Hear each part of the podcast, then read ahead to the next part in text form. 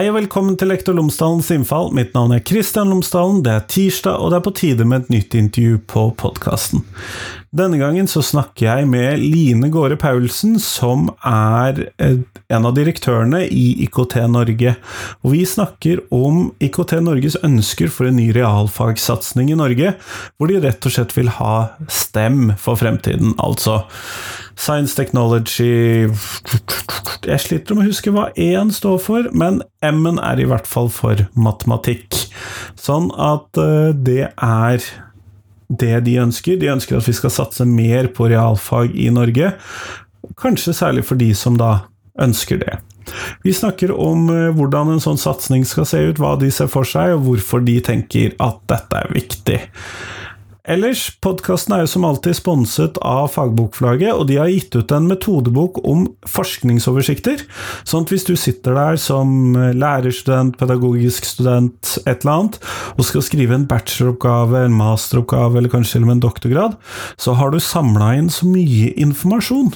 Du har gjort ulike forskjellige forskningsøvelser, du har eh, gjort reviews, du har gjort snakket med folk, du har samlet inn tall osv., og, så og så må du finne ut hva er det som er viktig for deg, hva er det du trenger, hva er det som kan bidra til det du forsker på. Da kan du trenge den boka, den heter Forskningsoversikter i utdanningsvitenskap, og du finner den på fagbokflagget.no. Men nå får du Line Gåre Paulsen, vær så god.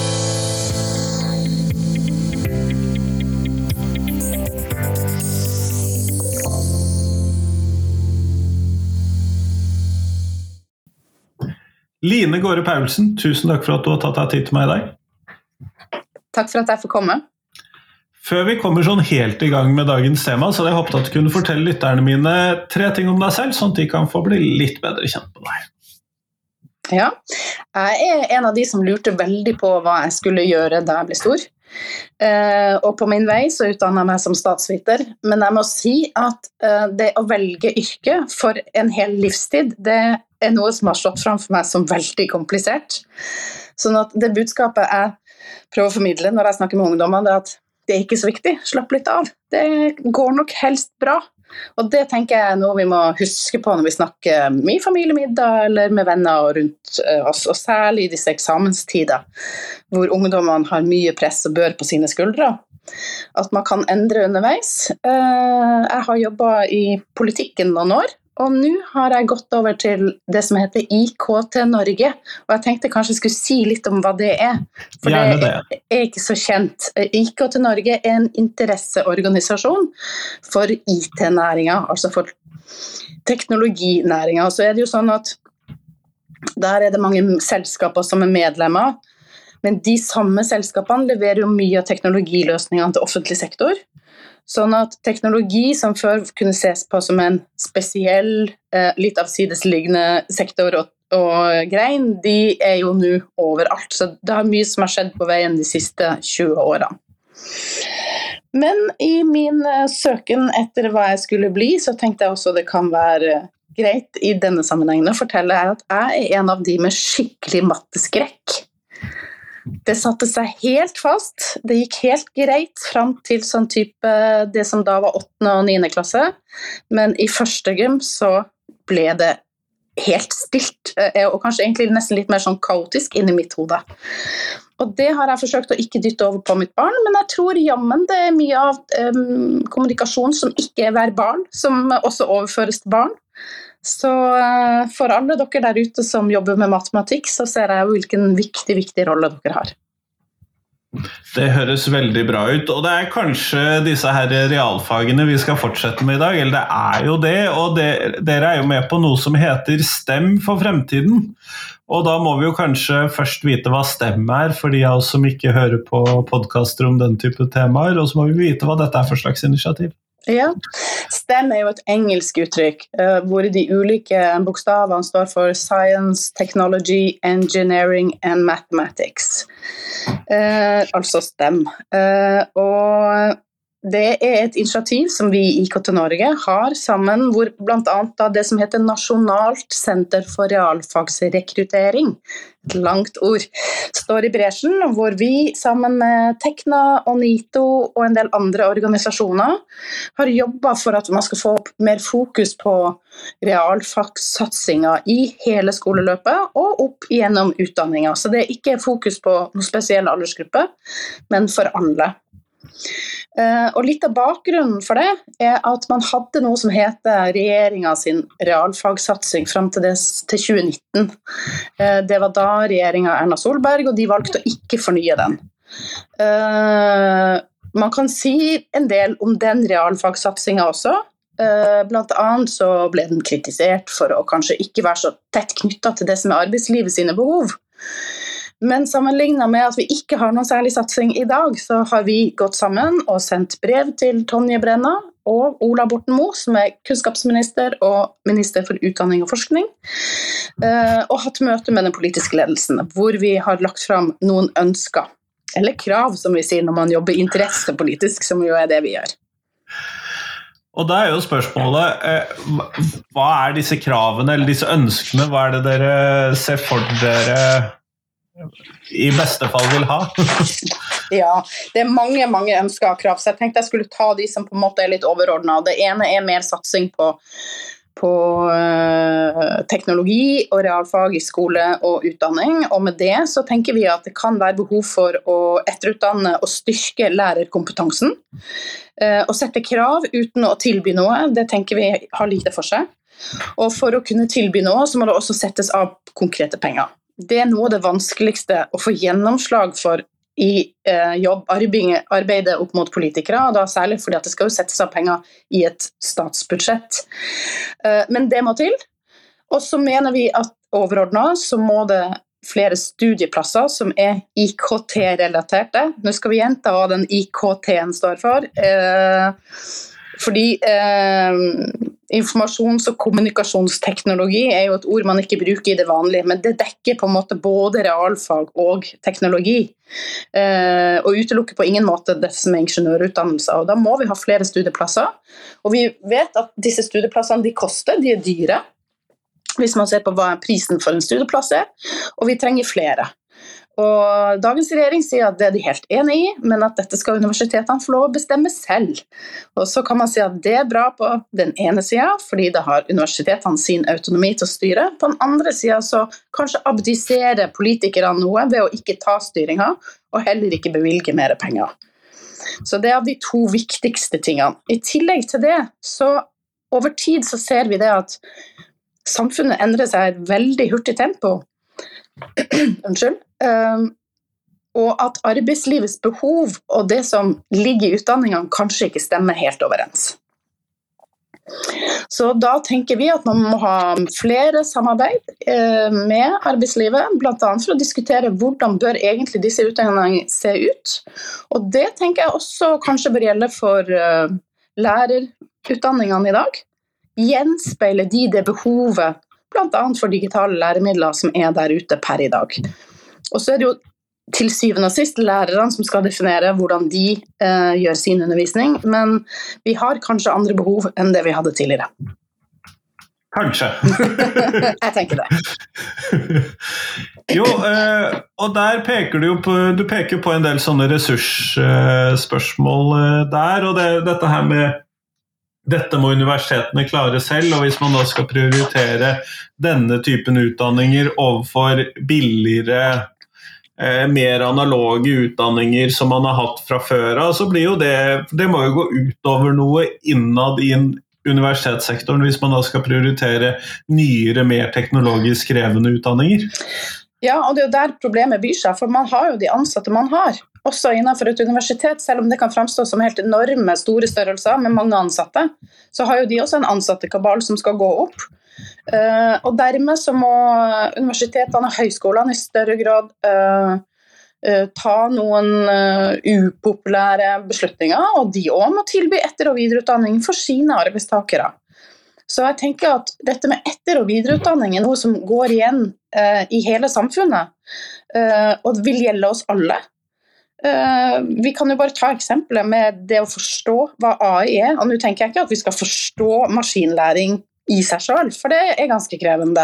Jeg har forsøkt. Alle trenger ikke å kunne programmere maskinlæring. Nei, men, uh, men, det å lage rom på arbeidsplasser for å etter- og videreutdanne seg, i tråd gjerne i dialog med ledelsen, det tror jeg er kjempeviktig. Og ikke minst så må man da ha satt av tid, man må satt av penger, og så må man ha en motivasjon for å gjøre det. Så ledelse, de, altså ledelse blir en ny ledelsesform, det òg, tenker jeg. Vi må fokusere mer på at alle må være i utvikling. Man tar ikke bare én utdannelse, og så er man ferdig med det. Og Det er jo et poeng, men dere har jo også rettet noen krav om innholdet i skolen og når denne satsingen skal komme. Jeg liker jo, eh, jeg har jo sniktitta da på IKT Norge sin uh, internettside på dette her. og det Sitatet 'det holder ikke med to timer programmering i fjerde klasse' syns jeg jo var ganske slående for dette her. Ja, og nå tror ikke jeg er den som skal uttale meg hvordan ståa i Skole-Norge er nå, for jeg opplever at det er ganske forskjellig. Eh, noen satser mye på programmering, andre gjør det ikke. Eh, vi vet at det finnes som valgfag på ungdomsskoler. Det heter litt forskjellig. Noen har teknologi og design, noen har programmering. Men jeg mener jo at dette må komme inn som en del av opplæringa. Og jeg har lyst til å si en ting. det at Realfagsatsing handler jo ikke bare om matematikk og realfag. Det er jo en type tenking som må gå igjen i flere fag. Sånn at det å handle litt mindre fagspesifikt når man jobber, men litt fagovergripende, det tenker jeg kan være en klok måte å angripe det hele på. For også innenfor realfag så må man lese og kunne kommunisere og analysere. Og kritisk tenking og digitale ferdigheter er jo ferdigheter som nå eh, løftes opp, og som eh, ungene må få trening i i større grad enn tidligere. Sånn at programmering er en ting. Det omtales som algoritmisk tenking, det er en annen ting. Eh, litt sånn fremmedord hvis du spør meg, men, eh, men man må definere hva som ligger i det, og hva som ligger i dette med digitale ferdigheter. En av de tingene som har blitt snakket veldig mye om i det siste, det er jo eh, knyttet til dette her med praktisk eh, undervisning. Altså at man ønsker å gjøre ungdomsskolen mer praktisk og mindre teoretisk. Og så er jo mine fordommer Jeg er jo ikke matematikklærer eh, eller realfagslærer i det hele tatt. Og en av mine fordommer er jo selvfølgelig at dette er ganske teoretiske fag, men kan kan disse, denne STEM-satsingen bidra til å, å, gjøre skolen mer praktisk, eller blir det et lite sidespor i denne sammenhengen? Jeg er helt overbevist om at den kan gjøre skolen mer praktisk, uh, gitt at man kombinerer det praktiske og det teoretiske. Uh, og det gjøres for fullt i noen skoler. og For oss som har levd litt innen skoleverden og uh, har sett hva som finnes, så er det jo ildsjeler rundt omkring som jobber veldig aktivt med dette. Og så er det andre som også føler på litt usikkerhet. Kanskje de tenker at eh, det de tilbyr ikke er bra nok, men man må passe på at lærerne også får den motivasjonen og, og den uh, pushen de trenger da, for å komme seg videre. Men når det gjelder konkret stille praktiske, så er det jo uh, mange eksempler rundt omkring i skolerommene. og I tillegg så har du sånne initiativer som f.eks. Newton-rom, som et selskap som First Scandinavia har. Som enkelte kommuner har. Da har man sett opp Eh, type lab-virksomhet i den eh, overbevisning om at hvis man får lov til å gjøre og praktisere samtidig som man lærer teori, så er det lettere for ganske mange å huske og forstå, ikke minst. Og jeg tenker jo med min matteskrek at hvis jeg hadde fått litt mer aktiv læring enn bare eh, tavleundervisning, så kanskje jeg hadde overkommet noe av den skrekken som hadde satt seg fast. Eh, jeg mener også at eh, praktisk læring er digitale læremidler, fordi det er en annen form for læring. Sånn at eh, jeg tenker vi trenger både boka og brettet eller PC-en, alt etter hva man har, men at ulike læringsformer passer ulike elever, er noe vi må være veldig oppmerksom på.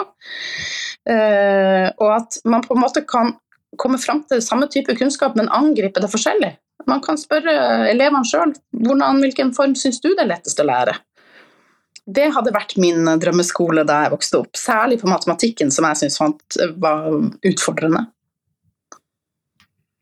Og der er det jo vansker med at uh, Nivådeling er man veldig skeptisk til. Man, uh, dette med kompetanse, altså at det er ulik kompetanse der ute til å muliggjøre seg mange av disse tingene, som gjør, kan jo gjøre dette her komplisert for uh, veldig mange. Det ser jeg. Og så er det også sånn at det er ulike initiativ. Jeg nevnte Newton-rom som ett, og så har du det som heter First Lego League, som også er en annen, mer praktisk innretning mot å det har jeg sett, det ser skikkelig ja, gøy ut. Og jeg tenker at De lærerne som, eh, som får kobla seg på med klassen sin der, og hvor man får på en måte motivert hele klassen, aller helst til å delta i en legokonkurranse, de har også skiftende tema år for år.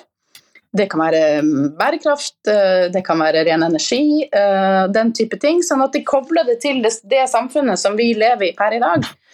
Eh, det er superviktig og kan være en god måte å få litt aktivitet og egenmotivasjon hos elevene. For det ser vi jo gjennom eh, undersøkelser at motivasjonen hos elever den dropper.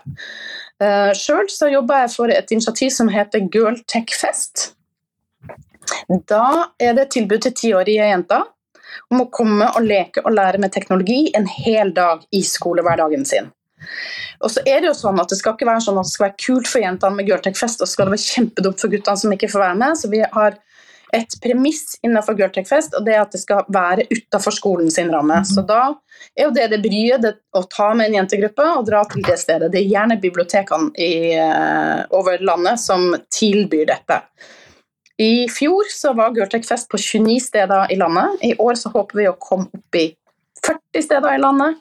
Uh, og det er fordi at vi har tro på at vi, hvis vi stiller forventningene også til jentene, og hvis vi gir dem kvinnelige rollemodeller fra de som jobber og kan kommunisere om behov for teknologi i det daglige, og ikke minst et litt sånn trygt rom hvor de kan få lov å le, le, le, både lære og leke og utforske teknologi, ikke bare være konsumenter, det tenker vi er en god ramme for videreutvikling, og det viser også forskning.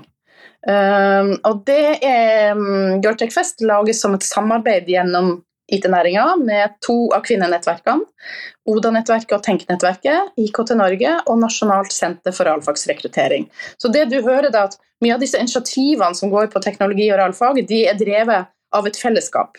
Og jeg tror det er den eneste måten å få opp litt trøkket på det. Fordi det er ikke én ildsjel, det er ikke én skolesjef, det er ikke én iherdig en som kan gjøre dette alene. Vi må stå sammen, og så må vi se hvilke typer midler og ressurser kan vi legge inn. Så på Girltech Fest så kommer det ansatte i teknologinæringa. I Oslo er det 100 veiledere som kommer som har satt av en hel dag, og som har laga workshops for jentene. Og det de får beskjed om, det er at det er like viktig å snakke om det dere gjør, som å gjøre det. Eh, fordi eh, da vil du kunne motivere og inspirere. Og aller helst så hadde vi sett at vi hadde sånne tiltak opp igjennom skoleløpet. Eh, forskning viser at ett sånt lite spett tiltak, det er hyggelig og det er bra, og det kan så initiativ, men man trenger gjerne disse, um, disse sporene av initiativ også mer i den formative alderen, som er litt eldre. Sånn at hvis vi klarer å gjøre 16-åringene 16 klarer for å gjøre gode valg, da har vi nådd noe. Det er målet. Og så er det jo ingen Man skal jo ikke stikke under en stol at uh, disse teknologi- realfagsfagene uh, har jo hatt et hva skal vi kalle det, et visst guttepreg, eller i hvert fall en fordom om uh, et guttepreg der ute i store deler av verden, kanskje egentlig, men i hvert fall også i Norge. sånn at uh, det gjør jo kanskje desto mer nødvendig med et sånt arrangement som Girl Tech Fest. Ja, vi blir jo av og til utfordra på det, og det med rette. Uh, men det var jo sånn at da på en måte databølgen slo inn over Norge, så var det guttene i hoodie på gutterommene som satt og spilte. Uh, og etter hvert så skulle disse bli næringslivsledere. Da ble de de kule. Men det var på en måte ikke diskutert i starten. Hvor var jentene sin plass, og hvorfor er det viktig at jentene deltar også i denne delen av samfunnsutviklinga? Så har jo teknologien som dere vet, fått en fart som ingen av oss kunne forutse. Og med det så lages produkter og tjenester som vi alle skal bruke og ta del i. Det kan være helsetjenester, eller det kan være uh, mer bærekraftige løsninger. Alt som skal være innretta mot alle mulige som lever i dette landet. Så det å diskutere mangfold og tenke på mangfold, ikke bare jenteperspektivet, men alder og etnisitet og funksjonsnedsettelser, det er kjempeviktig. Så det blir ikke mindre viktig å få jentene på banen, desto mer. Nettopp, nettopp. Eh, opplever du at eh, disse satsingene henger sammen? Eh, klarer man å huske på dette mangfoldsperspektivet da, når man skal gå for mer STEM i skolen og universitetet? Vi har det med som et eget aktivt punkt når vi diskuterer det med, med politisk ledelse og politikere på Stortinget, og det får godt gehør. Men å huske på det og gjennomføre det, det tenker jeg varierer så mye annet i, i, det vanlige hverdagslige livet. Og så tenker jeg det at å kritisere gjennomføring er det dummeste vi gjør, for vi må hjelpe til. Vi er et helt samfunn, og vi må legge til rette sammen for det. Så vi får hjelpe hverandre og minne hverandre på det.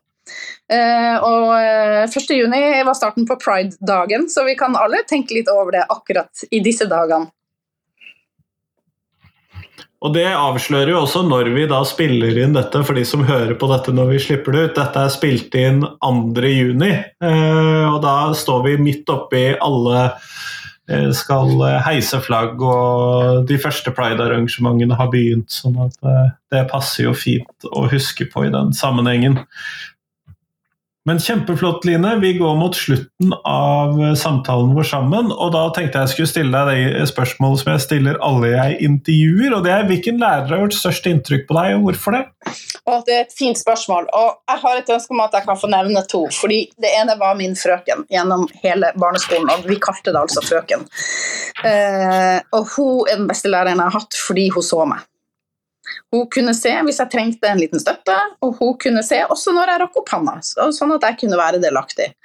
Men så gikk det mange mange år, og så fikk jeg jo denne matteskrekken. Og i første på videregående, så mot slutten av året, så kom det noe som heter tekstoppgaver. Og da hadde han aldri snakka til meg direkte noensinne. Så klappa han meg på skuldra og sa vet du hva, Line, de her oppgavene får du til. Og da hadde han forstått hva jeg ikke kunne, og hva jeg kunne. Og jeg tenker at Hvis den mannen hadde fulgt, fått mulighet til å følge meg litt bedre gjennom det skoleåret, så hadde dette resultatet sett annerledes ut. Og Det tenker jeg betyr at det har så mye å si hvordan læreren agerer og hvordan læreren virker. At jeg har dyp respekt for det faget som utøves. Så jo mer jeg blir kjent med Skole-Norge, jo mer respekt får jeg. Og jeg tenker at vi alle eh, skal sette pris på yrkesgruppen. Og da er jeg jo også litt inne på avslutningsvis dette med rekrutteringa til læreryrket, som kan vise seg å være ganske komplisert. Eh, så der må vi også stå sammen og gjøre en jobb. Kjempeflott. Tusen takk for at du tok deg tid til meg i dag. I likeså. Takk for det.